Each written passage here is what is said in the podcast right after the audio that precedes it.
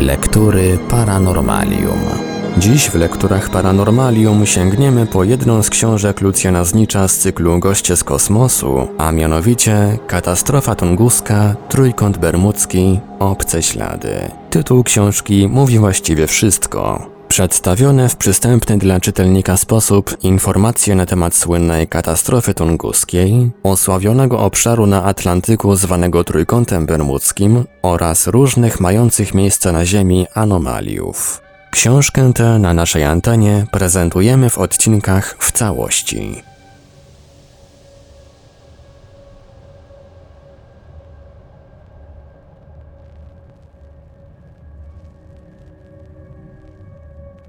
Statek odpłynął w nicość.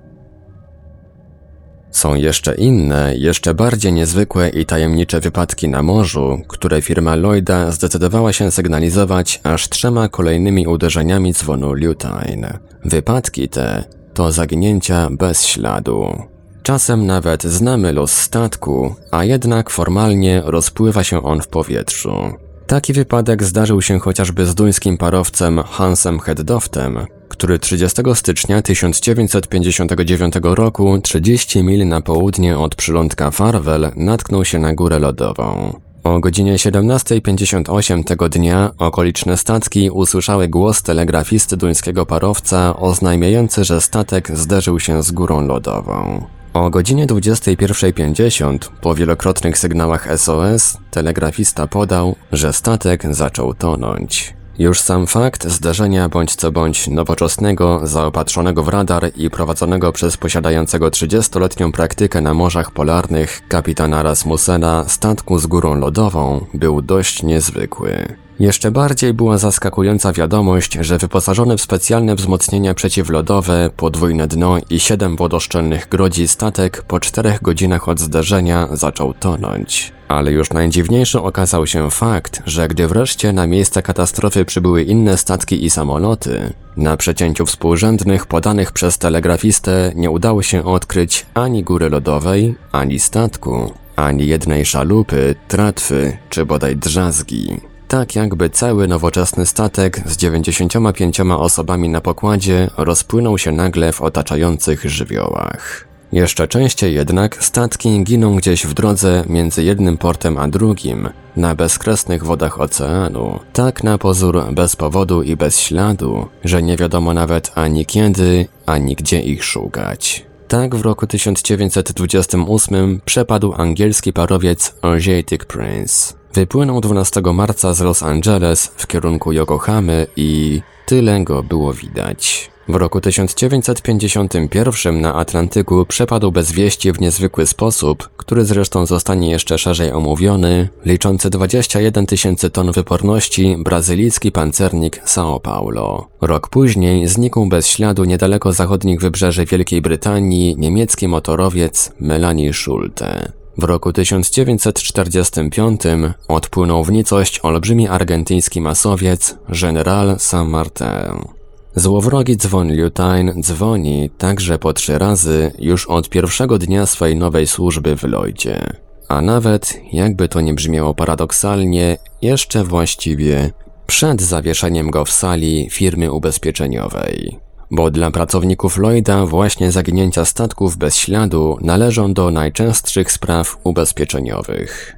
Dlatego już w roku 1873, a więc jeszcze na 23 lata przed zawieszeniem dzwonu Lutine, założono tam pierwszą olbrzymią księgę oprawioną w czerwony safian, a przeznaczoną do rejestracji statków, które przepadły bez wieści. Nim weszło z tej okazji w obyczaj trzykrotne podzwonne Lutine, wypełniono aż 8 ksiąg, z których każda zawierała około 200 nazw zaginionych statków. Dziś, po przeszło 100 latach istnienia instytucji Czerwonych Ksiąg Lloyda, tragiczna ich biblioteka składa się z 14 pełnych tomów, a i 15, założonemu na początku 1955 roku, niewiele już do końca brakuje. To prawda, pierwsza Czerwona Księga wypełniona została nazwami 200 zaginionych bez śladu statków już po dwóch latach i dwóch miesiącach. Przedostatnią, czternastą, Otwarto 10 lipca 1929 roku, zamknięto zaś z listą 222 statków dopiero 22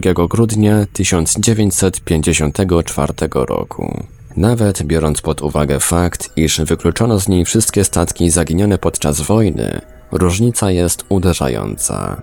Wypełnienie pierwszej księgi zajęło 26 miesięcy, przedostatniej zaś 25 lat. Fakt istnienia jednak 15 już Czerwonej Księgi Lloyda i to z listą ponad 100 statków, mówi najlepiej, że i do dziś zaginięcia statków bez śladu wcale nie należą do rzadkości. Przykłady zaginięć w latach 50. Melanie Schulte, General Saint-Martin czy São Paulo przytoczyłem nie dlatego, że były to ostatnie tego typu wypadki, tylko ze względu na to, iż były najbardziej spektakularne. Bo oto rzeczywiście w ostatnich latach zaginęły znów bez pozostawienia po sobie najmniejszego bodaj śladu jeden statek w roku 1970, jeden statek w 1971, dwa statki w 1972, trzy statki w roku 1973. Wprost trudno pojąć. Dysponujące współczesną radarową aparaturą nawigacyjną, utrzymujące przez cały czas stałą łączność radiową z najbliższymi portami, zaopatrzone w najnowsze urządzenia ratunkowe nowoczesne statki giną nagle na pełnym morzu do tego stopnia bez śladu, że prowadzone na wodzie i w powietrzu, często trwające wiele tygodni ekspedycje ratunkowe nie znajdują ani żywego lub umarłego świadka katastrofy, ani bodaj nawet jednej spuszczonej tratwy czy szalupy, ani nawet najdrobniejszego przedmiotu pochodzącego z obładowanego często po brzegi zarówno ludźmi, jak i towarami statku. Jestem zawodowym marynarzem. Brałem udział w dalekich rejsach na statkach i łodziach podwodnych i mogę stwierdzić, że nie zawsze idący na dno statek musi pozostawić po sobie jakiś ślad na morzu. Pisze na ten temat jeden z radzieckich znawców problematyki Trójkąta Bermudzkiego, magister nauk technicznych Władimir Ażarza. Chwili, gdy pogoda zaczyna się pogarszać, kapitan statku daje rozkaz umocować przeciwsztormowo. Wszystkie przedmioty znajdujące się w pomieszczeniach i na pokładzie zostają wówczas przyśrubowane, zaklinowane lub bodaj przywiązane, tak aby nie przesuwały się w czasie kołysania. Jakże mogą więc dostatecznie silnie umocowane wypłynąć następnie na powierzchnię z zatopionego statku? Koniec cytatu. Rzeczywiście, jest to poważny argument. Sytuacja taka mogła się właśnie zdarzyć na brazylijskim pancerniku São Paulo.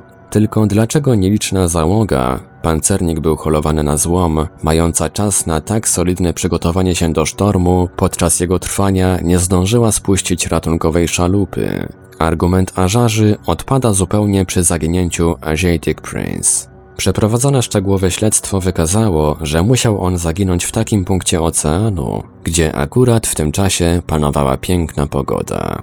A już tłumaczenie to nie ma żadnej wartości przy katastrofie Hansana Heddofta. Między pierwszym sygnałem SOS a ostatnim minęły aż 4 godziny, a mimo to na dokładnie ustalonym miejscu katastrofy nie znaleziono ani jednej szalupy, czy bodaj pasa korkowego. Tu nie może być nawet mowy o starannym przemocowywaniu wszystkich ruchomych przedmiotów na statku. A jeśli tak, to jak wówczas wytłumaczyć zniknięcie całego statku bez najmniejszego śladu?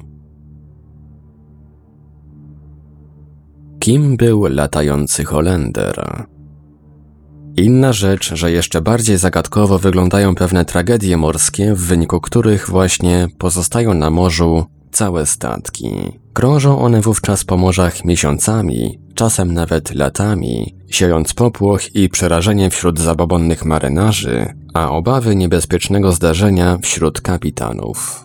Zresztą, powiedzmy sobie szczerze, kapitanowie też nie zawsze potrafią się obronić przed dreszczem mistycznej grozy, którą budzą te pozbawione z zagadkowych powodów załogi i wraki, czasem nawet bez nazwy, wyłaniające się nieoczekiwanie z morskiej dali i w milczeniu pędzące gdzieś w nieznaną drogę, jak memento mori, jak jakieś złowieszcze mane tekel fares. Marynarz ze stanowiska obserwacyjnego na Forkasztelu okrzyknął statek zbliżający się z lewej strony naszego dziobu.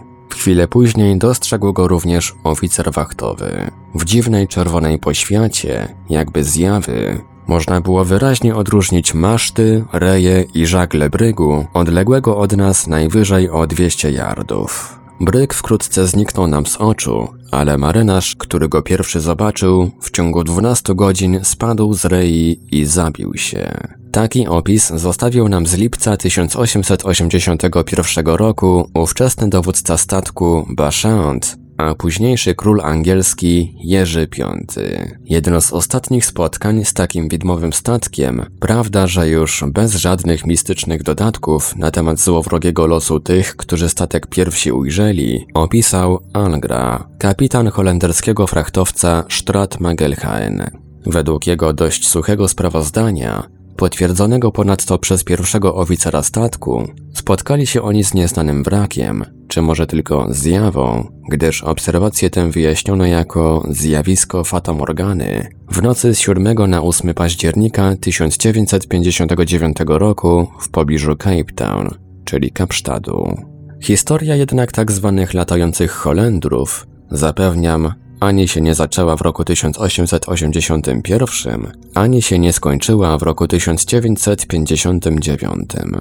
Jay Harlinger w swych historiach niewiarygodnych podaje aż pięć odrębnych legend usiłujących wytłumaczyć pojawienie się na morzach świata tych zagadkowych, pozbawionych załogi statków. I tak, znana od połowy XVII wieku legenda holenderska piętnuje w ten sposób nieuczciwość kupców. Według niej na statku widmie podróżuje samotnie zamożny kupiec holenderski Falkenburg, który na dzień przed ślubem swego brata zamordował oboje narzeczonych.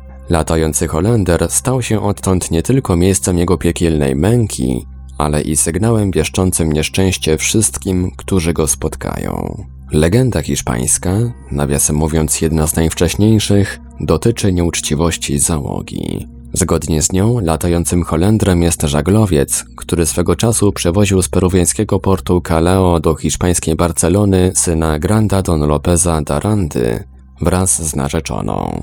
Załoga statku, skuszona wielkimi bogactwami paniczyka, wyrzuciła go wraz z dziewczyną za burtę, a kosztowności rozdzieliła między siebie.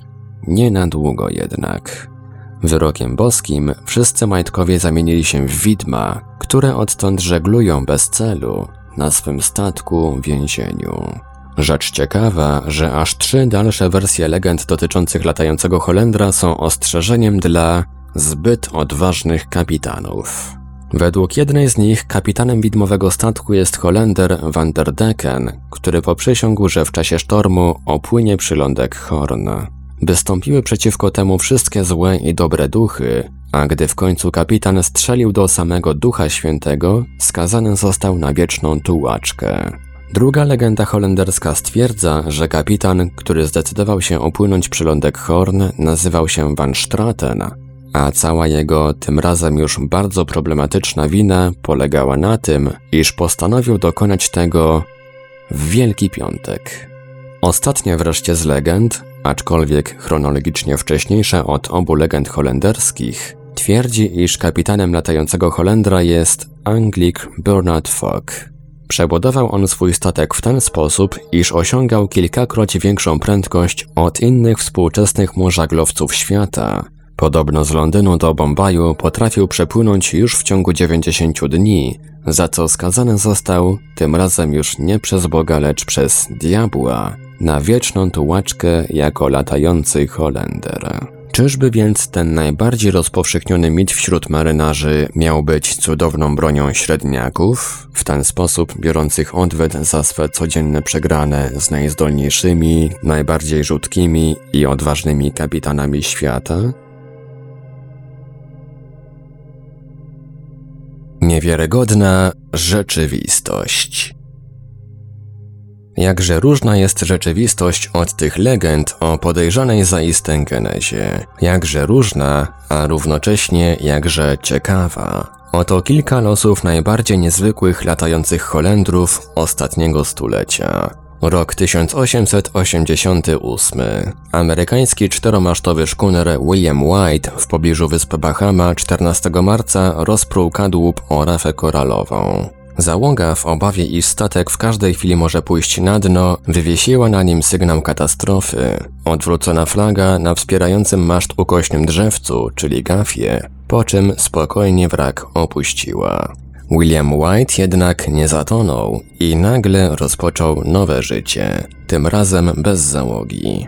Niesiony prądami i wiatrem ruszył w daleką podróż na północny wschód poprzez wody całego Atlantyku, częściowo strasząc spotkane po drodze statki, częściowo zaś zmuszając je swym sygnałem katastrofy do niesienia niepotrzebnej nikomu pomocy. Dopiero na początku następnego roku, 1889, osiadł wreszcie na mieliźnie wyspy Louis, należącej do archipelagu Hebrydy. W ciągu 10 miesięcy ten pozbawiony załogi wrak przepłynął 5000 mil morskich dzielących południowe Stany Zjednoczone od wybrzeży Anglii. Rok 1891. W pobliżu przylądka Hatteras u wschodnich wybrzeży USA wyładowany drzewem amerykański szkuner Finney Valenton z powodu uszkodzenia kadłuba 15 października został opuszczony przez załogę. Ale i ten statek nie poddał się wydanemu nań przez własną załogę wyrokowi. Przez cały rok niesiony prądem zatokowym, czyli Golfstromem, płynął z prędkością 36 mil na dobę na wschód, potem w drodze na zachód trafił na Morze Sargassowe, gdzie kołował niemal przez dwa lata, aby wreszcie w końcu 1894 roku zatonąć. W ciągu swojej trzyletniej, upiornej podróży, w czasie której pokonał ponad 8 tysięcy mil morskich, statek był widziany 46 razy, przy czym ostatni raz, rzecz szczególna, niemal dokładnie 3 lata później, 21 października 1894 roku i niemal dokładnie w tym miejscu, gdzie go załoga opuściła. Rok 1893. 1 czerwca amerykański żaglowiec Star wypłynął z Aleutów w kierunku Hawajów, ale nie dotarł do nich. W pobliżu wyspy Midway nadział się na rafę koralową i załoga wzięta na pokład innego amerykańskiego statku handlowego opuściła nie nadający się do dalszej podróży wrak. Miesiąc po katastrofie załoga innego amerykańskiego żaglowca, Dun, spotkała jakby pędzący pod wszystkimi żaglami szkuner 130 km na północ od Midway. W następnym miesiącu spotkał go ponoć jakiś angielski statek już 400 mil na zachód od San Francisco. Jeszcze dwa miesiące później o przepływającym starze meldował latarnik z wyspy Fanning. Po dalszych czterech miesiącach zetknęła się z nim załoga statku norweskiego, tym razem już w pobliżu wyspy Hull, wchodzącej w skład wysp Gilberta. Przez dwa następne lata wokół Stara panowała całkowita cisza, ale w październiku 1896 roku osiadł on nagle na rafie wyspy Midway. Jeżeli wszystkie sprawozdania dotyczące tego niezwykłego latającego Holendra były prawdziwe, wynikałoby, że niezdolny do żeglugi i pozbawiony załogi statek w ciągu trzech lat i czterech miesięcy odbył samodzielną podróż dookoła świata, żeby w końcu przypieczętować swój los dokładnie w tym samym miejscu, z którego samotnie wyruszył. Rok 1960. Angielski parowiec Dinmore, płynący do Stanów Zjednoczonych z ładunkiem węgla, krótko przed dotarciem do portu przeznaczenia uległ podczas sztormu tak niebezpiecznej awarii, że załoga po zawiadomieniu przez radio o katastrofie szybko opuściła pokład. Jak się później okazało, co najmniej o trzy miesiące za szybko. Bo właśnie po tym czasie amerykański statek pasażerski St. Louis w mrokach nocy o mało nie nadział się na wciąż dryfujący ciemny wrak. Tym razem latający Holender rzeczywiście wróżył wszystkim statkom pływającym na tej linii nieszczęście. Przeciwko niebezpiecznemu widmu wyruszyły więc trzy okręty wojenne USA z zadaniem zbombardowania go i zatopienia. Lecz wielomiesięczne poszukiwania nie dały rezultatu. Statek jakby wiedział, że zaczęło się nań polowanie i ukrył się gdzieś bez śladu. Może na dnie? Rok 1975.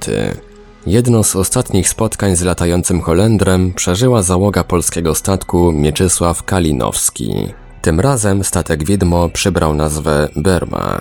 Sprawa wydawała się prosta. W chwili, gdy Kalinowski w drodze do Ameryki spotkał go, ten niewielki, 487 ton kanadyjski statek Poważnie przechylony na bok, dryfował w odległości zaledwie kilkuset mil morskich od Nowego Jorku. Decyzją kapitana statku polskiego został nawet wzięty na hol.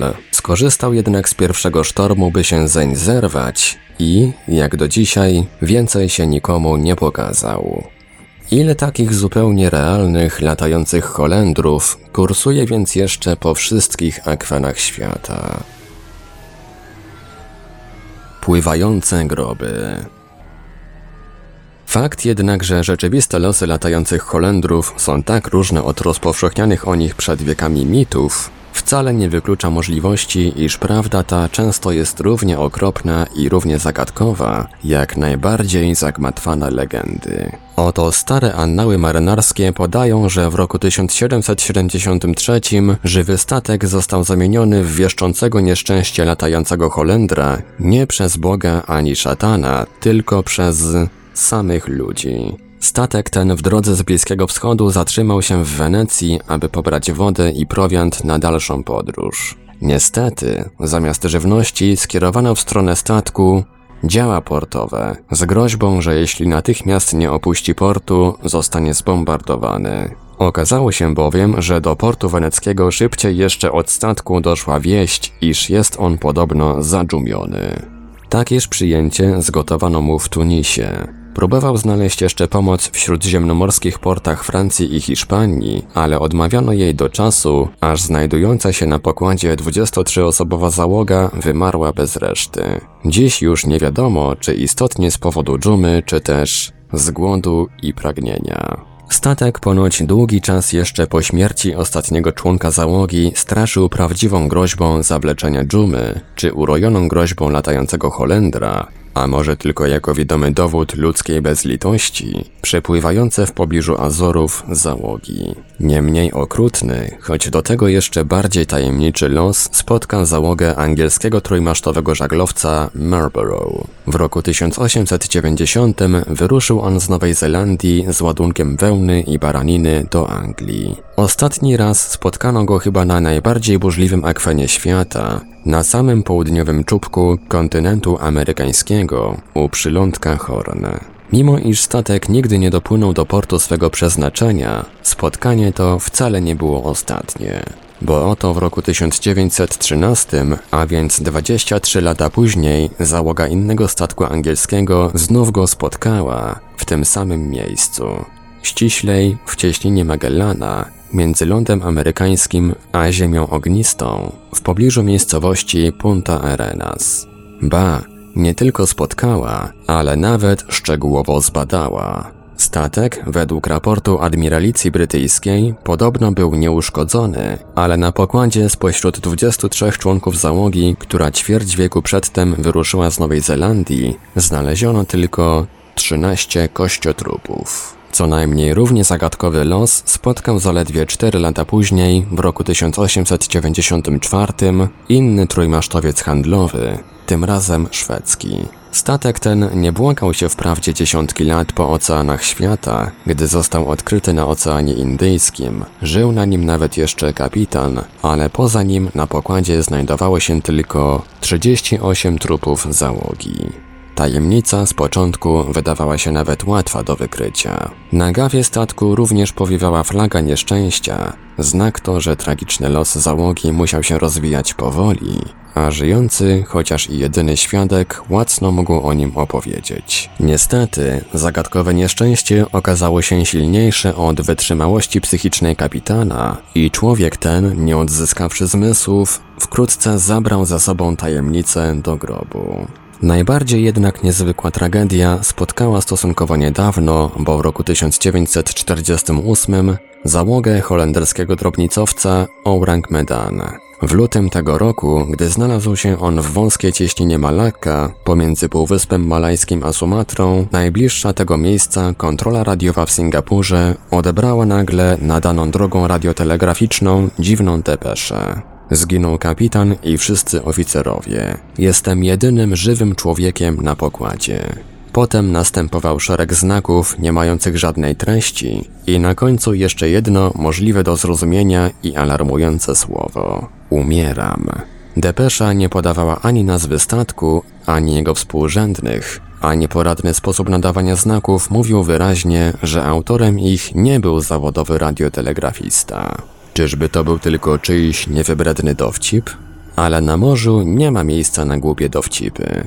Mimo niekompletności informacji, dyżurny Centrum Radiowego w Singapurze na podstawie radiopelengacji ustalił przybliżony punkt wysłania depeszy w eter i wezwał wszystkie pobliskie jednostki do rozpoczęcia poszukiwań tajemniczego statku. Istotnie przybyłe zarówno z Singapuru, jak i Sumatry statki ratownicze odkryły w odległości zaledwie 50 mil od punktu określonego przez radiopelengację drobnicowiec Orang Medan.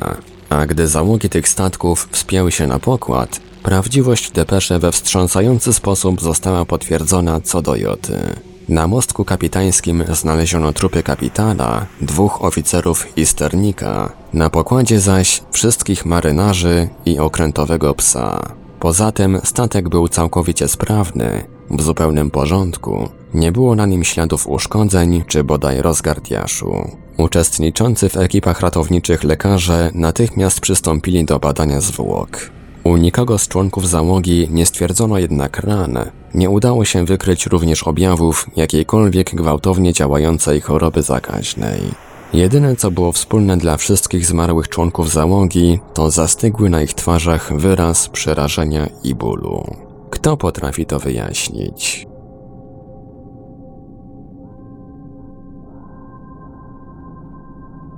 Tutaj pozwolę sobie na parę słów komentarza. W książce Lucjana Znicza Katastrofa tunguska, Trójkąt Bermudzki, Obce Ślady relacja dotycząca Ourang Medan jest niepełna. Ciekawych, jak cała sprawa prezentuje się w rzeczywistości, zapraszamy do wysłuchania odcinka audycji z kart historii poświęconego właśnie zagadce Ourang Medan, bądź też do lektury artykułu, który stanowi tekstową wersję tej audycji. Artykuł znajdziecie Państwo na łamach strony Radia Paranormalium pod adresem www.paranormalium.pl w dziale Strefa Mroku.